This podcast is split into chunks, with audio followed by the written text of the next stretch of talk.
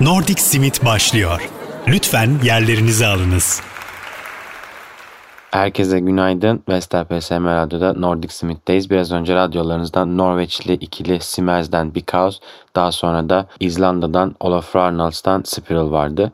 Neden bu şarkılarla yayını açtım? Çünkü siz bu yayını dinledikten birkaç saat sonra ben Olaf'ı görmeye gideceğim. Yani Olaf'ı bizzat buluşmayacağız kahve için vesaire ama Olafur Londra'da bir plak dükkanında, ünlü bir plak dükkanında yeni filmini yeni filminin premierini yapacak. Daha sonra da böyle kısa bir soru cevap sesini olacak. Eğer bugün Nordic Smith'i Instagram'dan takip ederseniz muhtemelen şu an değil. Siz bu yayından birkaç saat sonra oradan paylaşımlar yapmaya başlayacağım. Ee, bu film hakkında da böyle kısa kısa bilgiler veririm. Neden Smers'e geçmeden önce biraz daha bu filmden bahsedeyim. Filmin ismi When We Are Born.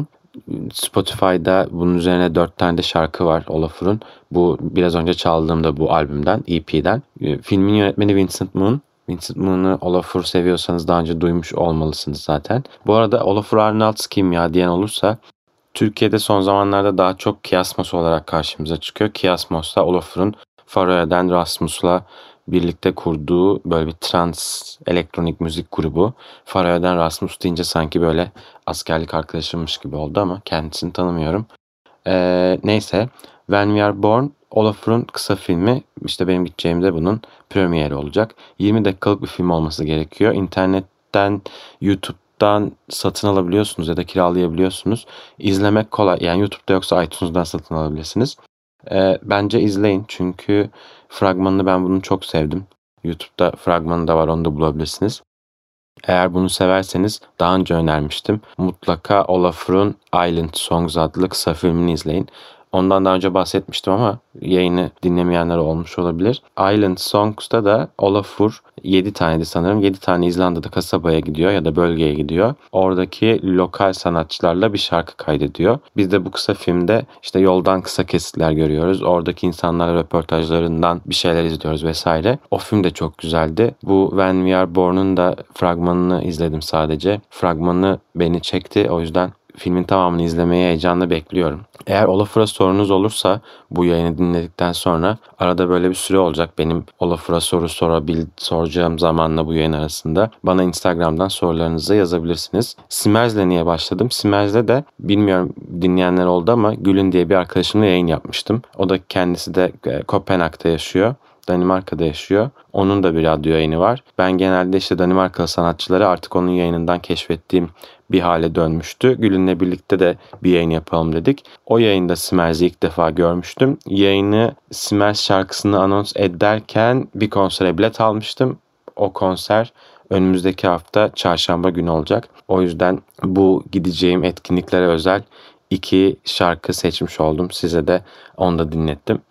Ee, ben şu an bu yayını kaydederken benim için yarın olacak ama siz dinlerken bir de ben ne biçim cümle oldu. Anbrun konserine gitmiş olacağım. O da Norveç'in en ünlü sanatçılarından birisi. Sanırım bunu geçen yayında bahsetmiştim gideceğim diye.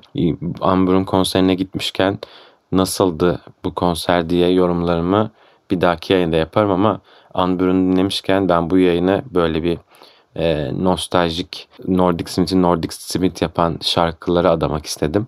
O yüzden e, Unbrun'la başlıyoruz tekrar müzik dinlemeye. Olaf Arnatz'a doyamadım. O yüzden tekrar bir Olaf Arnatz dinleyeceğiz. Ama CFDR'la birlikte dinleyeceğiz. O zaman daha fazla lafı böyle çorba yapmadan Vestel PSM Radyo'da Nordic Smith'te önce Unbrun'dan Big in Japan daha sonra da Olaf Arnalds'tan Olaf Arnalds ve CFDR'dan Back to the Sky sizlerle olacak. Nordic Smith devam edecek. Biraz önce radyolarınızda Unbrun'dan Big in Japan, daha sonra da Olaf Arnalds ve JFDR'dan Back to the Sky sizlerleydi. Böyle biraz önce şu konsere gideceğim siz bunu dinlediğinizde ben şunu yapmış olacağım. İşte ben bunu yarın yapacağım ama siz bunu dinlediğinizde aslında geçmiş olacak vesaire böyle saçma sapan cümleler kurarak bir 4-5 dakika geçirdik. Umarım her şey anlaşılırdır. Tekrar konser kovalamak çok heyecanlı. Onun heyecanıyla ben de işte buna gidiyorum, şuna gidiyorum diye böyle çocuk gibi anlatmaya çalışıyorum ama bilmiyorum onun heyecanına kapıldım. Muhtemelen bir iki haftaya alışırım konserlerin tekrar açılmasına. Konserlerin tekrar açılması değil de aslında benim sevdiğim sanatçıları tekrar dinleyebiliyor olmam beni heyecanlandıran. Neyse lafı biraz daha çorba yapmıyorum. Bu yayınlar son birkaç yayında şeye döndü farkında mısınız bilmiyorum ama ben biraz böyle müzikten bahsediyorum. Biraz İskandinav'da neler olmuş onlardan bahsediyorum ama bazen bu oranı e, bozuyorum. Böyle sadece haberlerden falan bahsediyor oluyorum. O yüzden bu sefer böyle bir yayınla girmek istedim. Ama bu kuzeyde ne olup bitiyor işi benim beklemediğimden fazla ilgi gördü. O yüzden biraz da onlardan bahsedeceğim. Bana en çok gelen sorulardan birisi şeydi. Faroe Adaları'ndaki Yunus katliamı hakkında ne düşünüyorsun? Burada İngiltere'de de büyük bazı marketler Faroe Adaları'ndan gelen deniz ürünlerini satmayacaklarını açıkladılar boykot için. Ee, ben et yiyen biriyim. Yani et yediğim için biraz utanıyorum ama ama et yiyorum hali hazırda. Hmm, o yüzden bence bu Faroe Adaları'ndaki Yunusların öldürülmesini eleştirecek yerde değilim çok fazla. Çünkü benim yediğim et de hayvanda katlediliyor oradaki Yunus'ta. Ee, burada o Faroe Adaları'ndaki gördüğümüz şey zevk için mi yapılıyor? Ama bir yandan o Yunusları yiyorlar bu bir gelenek. Yani aslında Kurban Bayramı'ndan çok farklı olmayan bir e, gelenek. Ama hani zaten 2022 yılındayız. Ne bu gelenekler falan bilmiyorum.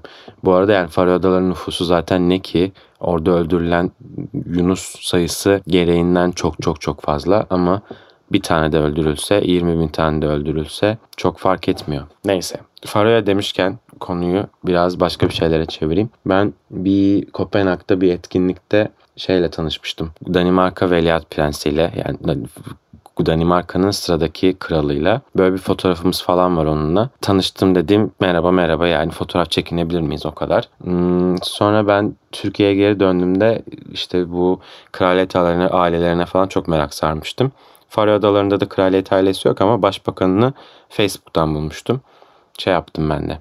Kralla olan fotoğrafımızı profil fotoğrafı yaparak adamı ekledim. Çünkü Faroe Adaları Danimarka Krallığı'na bağlı yani. Benim fotoğraf çektirdim o adam onların da veliaht prensi bir yandan.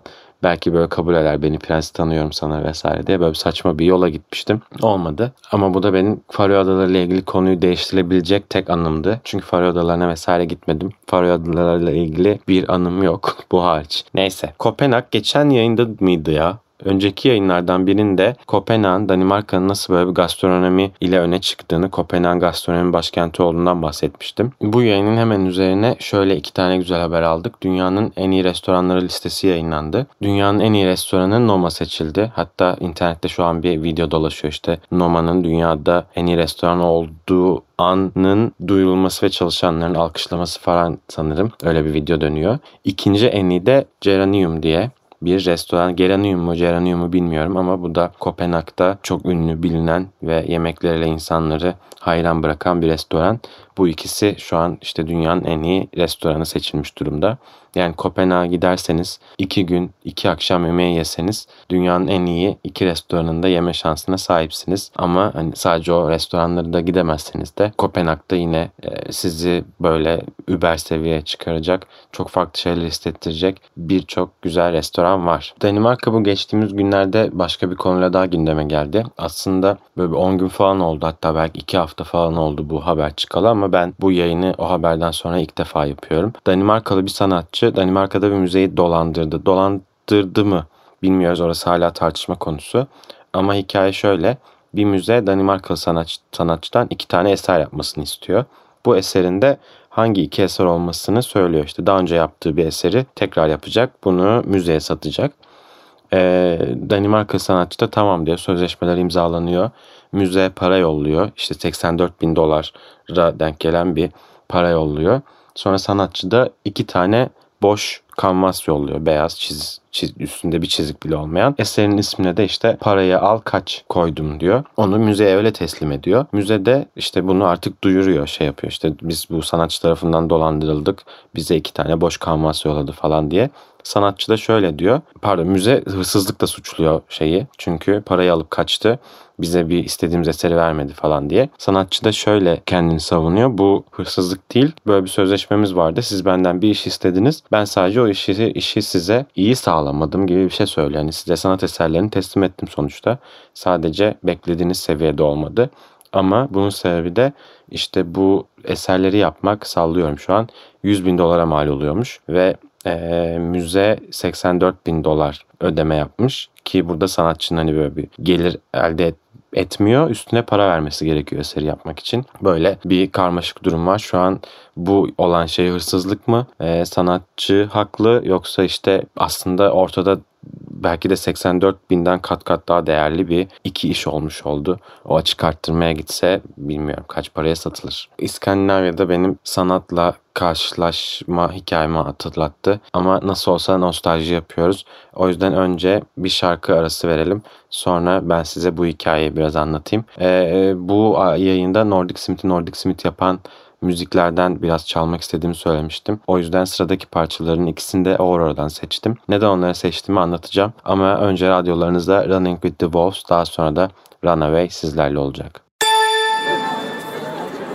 Nordic Smith devam ediyor.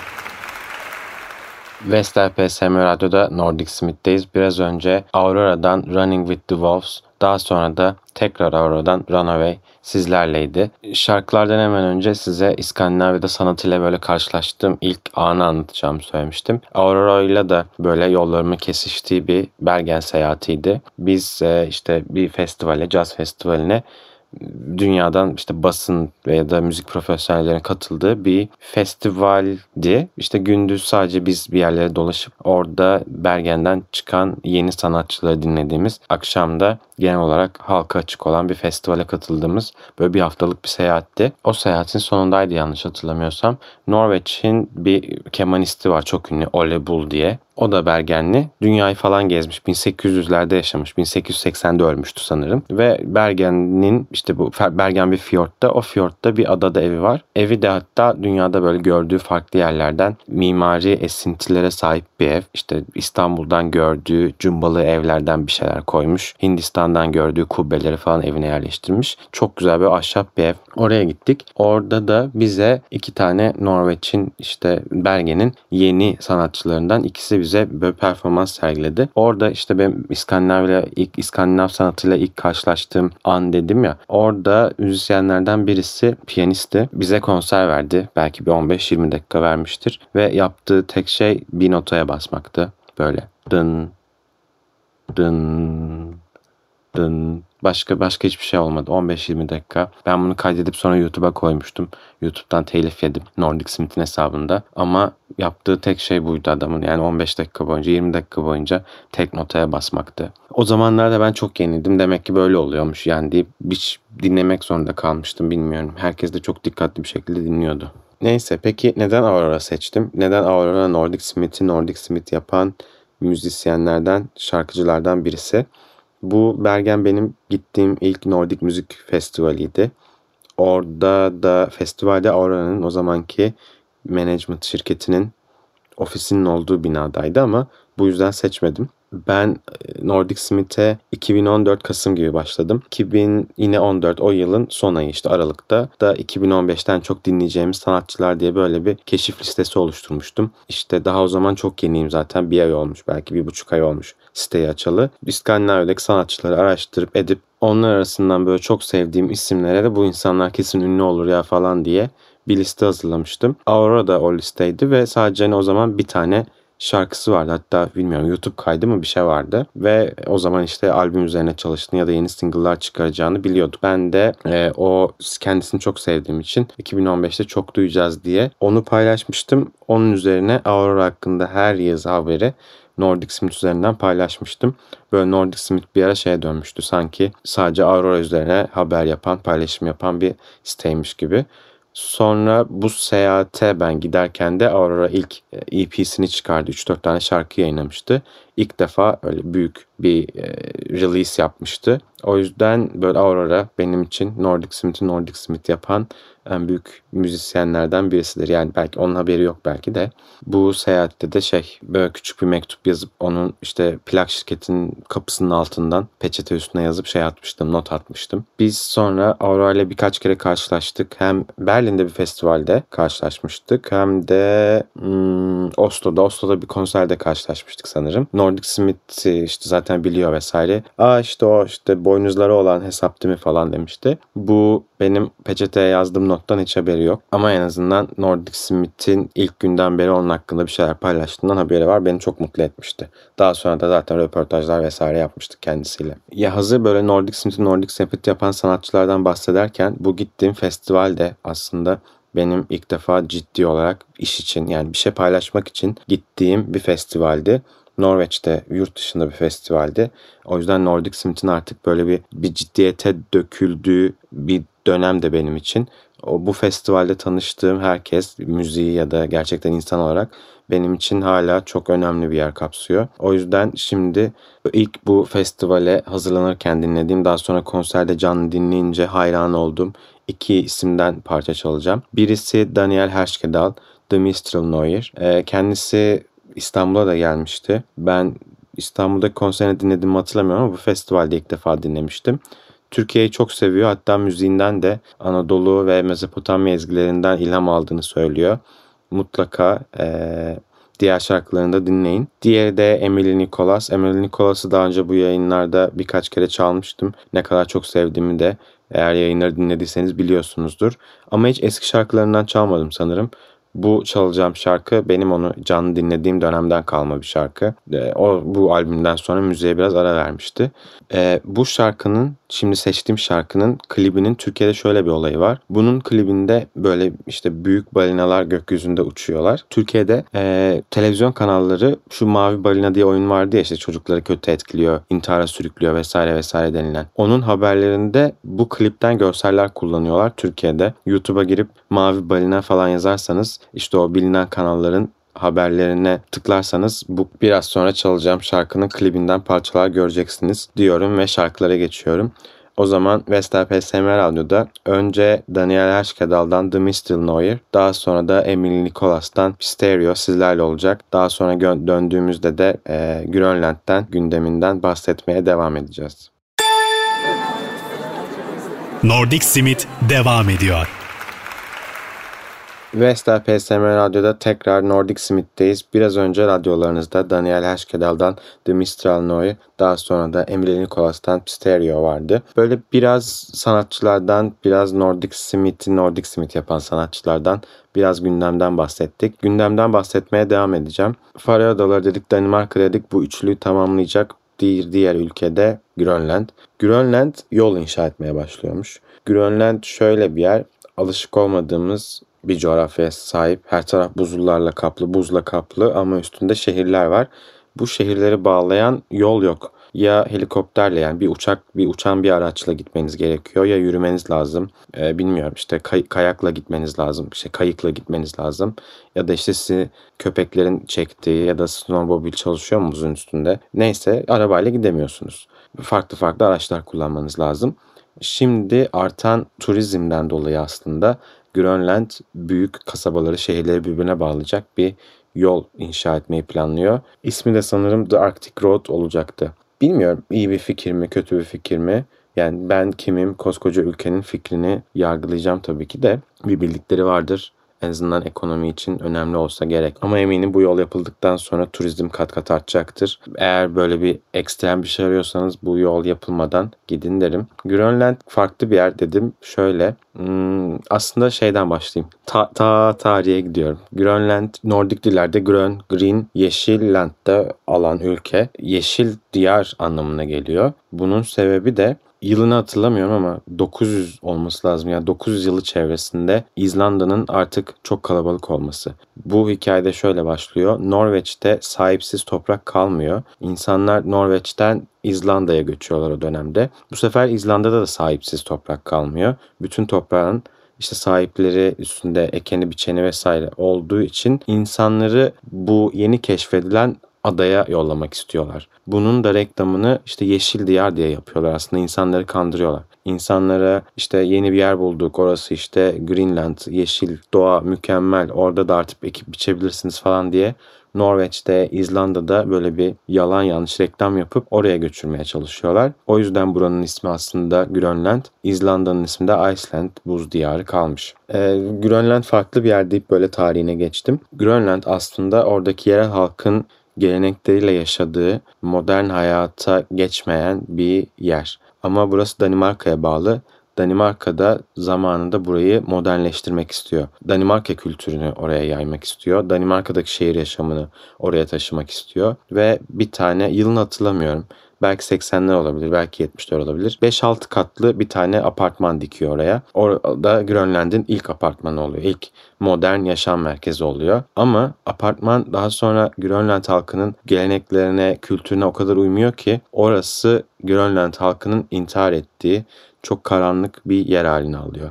Neden intihar ediyorlar? Pencereler küçük, içerisi ışık almıyor. İşte insanlar hayvan avlıyor, oraya getirip küvetlerde hayvanı temizlemeye çalışıyorlar. Bütün sistem işte tıkanıyor, çöküyor, bir şeyler oluyor. Borular patlıyor. İnsanlar kalın kıyafetleriyle, avlarıyla kapılardan geçmeye çalışıyorlar, geçemiyorlar falan. Orası Danimarka'nın böyle modern yaşam hayalini kurduğu bir yer olurken iğrenç, karanlık, melankolik insanların intihar ettiği bir yere dönüşüyor. Daha sonra da orası dünyanın en depresif yeri diye böyle bir turizme açılıyor. Yani turizme açılmıyor. Turistik bir nokta oluyor bu turistlerin saçma sapan her şeyi merak etme, görme sevdasından dolayı. Bakın burada yaşayan insanlar mutlaka intihar ediyor gibi böyle bir turistik nokta olunca Danimarka orayı yıkma kararı alıyor. Geçmişte de böyle örnekler olduğu için herhalde o yüzden bu Grönland yolu tamamlamadan önce bir gidip mutlaka görmek lazım. Modernleşme demişken Norveç'e geçiyorum. Norveç'te Norveç bir yandan bir petrol ülkesi olmasının yanında çevre bilincinin çok yüksek olduğu bir ülke. O nedenle de ülkede elektrikli araba miktarı kişi başına işte nüfusa oranla dünyada en çok olan ülke burası. Her yıl böyle haberler çıkıyordu işte her yeni satılan arabadan işte iki arabadan birisi elektrikli vesaire diye. Geçtiğimiz ay yani Eylül'de Norveç'te satılan arabaların %77'si elektrikli olmuş. Hani bunlar sadece elektrikli arabalar. Bir de üstüne hibritler var. Hibritleri de ekleyince %91'i %91.4'ü elektrikliymiş. Yani neredeyse Eylül'de satılan arabaların tamamı elektrikli olmuş. Bu dünyanın geri kalanında örnek olması gereken bir davranış. Yani davranış değil de bilmiyorum. İstatistik diyebiliriz. Burada da şu an İngiltere'de de petrol krizi yaşanıyor. Ülkede petrol var ama petrolü taşıyacak tır olmadığı için benzinlikçilerde şey benzin alamıyorsunuz. Sıraya vesaire girmeniz lazım. Çoğu benzinlik de kapandı. Bu da belki artık böyle bir e, uyanış çağrısıdır. E, güzel olan şey bütün bu yaşanan şeylerin sadece haber olarak kalmıyor olması aslında. Norveç, Danimarka, İsveç, Finlandiya dünyanın geri kalan ülkeleriyle onları daha işte çevreci, daha yeşil hale getirebilmek için anlaşmalar yapıyorlar. Danimarka ile Türkiye sanırım yakın zamanda bir ticaret anlaşması yapmış. Ama bu ticaret anlaşmasının kurallarından birisi tamamen yenilebilir enerji üzerine olması mesela. Ee, bir yandan Estonya sallıyorum şu an. Nijerya ile sürdürülebilir teknolojilerin paylaşımı üzerine bir anlaşma yapmış vesaire. Bu İskandinavya'da bu yaşanan şeylerin sadece oraya özel kalmayıp tüm dünyaya yayılması beni mutlu ediyor. Hatta Norveç İngiltere'ler de arasında kablo çekti ya da çekiyor bir tane. Norveç'teki hidroelektrik santrallerinden gelen yeşil enerjiyi İngiltere'ye satabilmek için de böyle uzun bir kablo çekiyorlar. Neyse lafı çok uzatmadan şarkılara geçiyorum. Daha sonra da e, çok heyecanla izlemeyi beklediğim bir dizi önereceğim. Önce Hayazakite'dan Samurai Sword, daha sonra da Scott'tan Wolf, Vestel PSM Radyo'da Nordic Smith'te sizlerle. Nordic Smith devam ediyor. Vestel PSM Radyo'da Nordic Smith'teyiz. Biraz önce İskandinavya gündeminden bahsettik. Şimdi biraz da dizi film konuşalım. Geçen yayınlarda çok fazla dile getirdim. The Killing, The Killing, The Killing. Sonra filmlerden bahsettik. Force Measure, In Order of Disappearance vesaire. Benim en sevdiğim Nordic filmler dedik. Bunların hepsini ben tekrar izledim. The Killing'i tekrar izlemeye başladım. E, bu geçen yayında da tekrar izlemeye başladım söylemiştim ama henüz 3. bölüme geldim. Ama şöyle güzel bir haber buldum. Haber bulmadım. Dizi karşıma çıktı. The Killing'in senaristinin bir kitabı var. The Chestnut Man diye. Onun dizisi çekilmiş. Bu senaristi belki şeyden de tanıyabilirsiniz, tanıyor olabilirsiniz. E, Snowman diye bir film vardı. İşte Michael Fassbender'ın oynadığı. Onun da co-yazarı. Sören Sveistrup gibi bir soyadı vardı sanıyorum. Bu kitaptan kitap uyarlaması The Chestnut Man Netflix'te var. E, şey heyecanla bekliyorum izleyeceğim anı. Benim bu dizileri izlerken şöyle bir derdim var. An yaratabiliyor olmam lazım. O, o mo, uygun modda olmam lazım. Bilmiyorum özellikle Nordik suç dizilerinde yağmur vesaire yağıyorsa ya da hava soğuksa böyle yorganımın altına girip izlemeyi seviyorum. O yüzden henüz başlayamadım. Ama başlayacağım zamanı heyecanla bekliyorum. Bence çok acil olarak izlenmeli. Siz de izleme listenize alın. Eğer izlerseniz güzel mi kötü mü bana önden bilgi verirseniz en azından ben de kötüyse boşuna izlemem deyip böyle bir saçma bir yorum yapayım. Evet o zaman bir yayının daha sonuna geldik. Bugün biraz yayında Nordic Smith'i Nordic Smith yapan müziklerden bahsettik. Benim bu sıralar konserine gittiğim ya da gideceğim insanlardan bahsettik. Kapanışı da bu konsept üzerine biraz yapmak istiyorum. Aurora'yı 2015'te işte karşımıza çıkacak isimler diye paylaşmıştım. O listede G. Nielsen diye de biri vardı. O da ben de şeyden çok emindim. 2015'te karşımıza gerçekten çıkacak. Bu kız çok ünlü olacak diye böyle paylaşmıştım. Ama sanırım 2015'te kendisini sadece ben dinledim. O yüzden o günlere böyle bir gönderme olsun diye sıradaki şarkıyı kapanış şarkılarından birini G. Nielsen'dan seçtim. Diğeri de Imarika. Imarika'ya bu yayında demiştim bu ünlü olacak diye, bu kız ünlü olacak diye. Sadece işte bir parçası vardı o zaman. Şimdi ikinci parçasını yayınladı. Ama Oslo'da geçtiğimiz hafta Oslo'nun en büyük sahnelerinin birinde konser verdi Rockefeller'da. Gerçekten gümbür gümbür geliyor. Bu sefer bu yayında bahsettiğim için siz de şahitsiniz. Amerika ile bu arada şöyle olmuştu. Bergen'de bir konferansı bekliyordum, bir konuşmayı bekliyordum. O da kapıda bekliyordu. Nasıl tanıştık hatırlamıyorum ama kapıda tanıştık. Merhaba merhaba. Orada bana şey demişti ben işte şarkı sözü yazıyorum. İşte şarkıcı olmak istiyorum. Sahne almak istiyorum gibi bir şey söylemişti. Bu iki yıl önce oluyor. Ve bugün Oslo'nun en büyük sahnesinde sahne alıyor. Bence çok büyük bir başarı deyip şarkıları anons ediyorum ve haftaya görüşürüz diyorum. Kapanış için önce Genius'dan Heartbreak Free daha sonra da Amerika'dan Sorry For Me sizlerle olacak. Haftaya Nordic Smith'te yine saat 10'da görüşmek üzere. Nordic Smith sona erdi.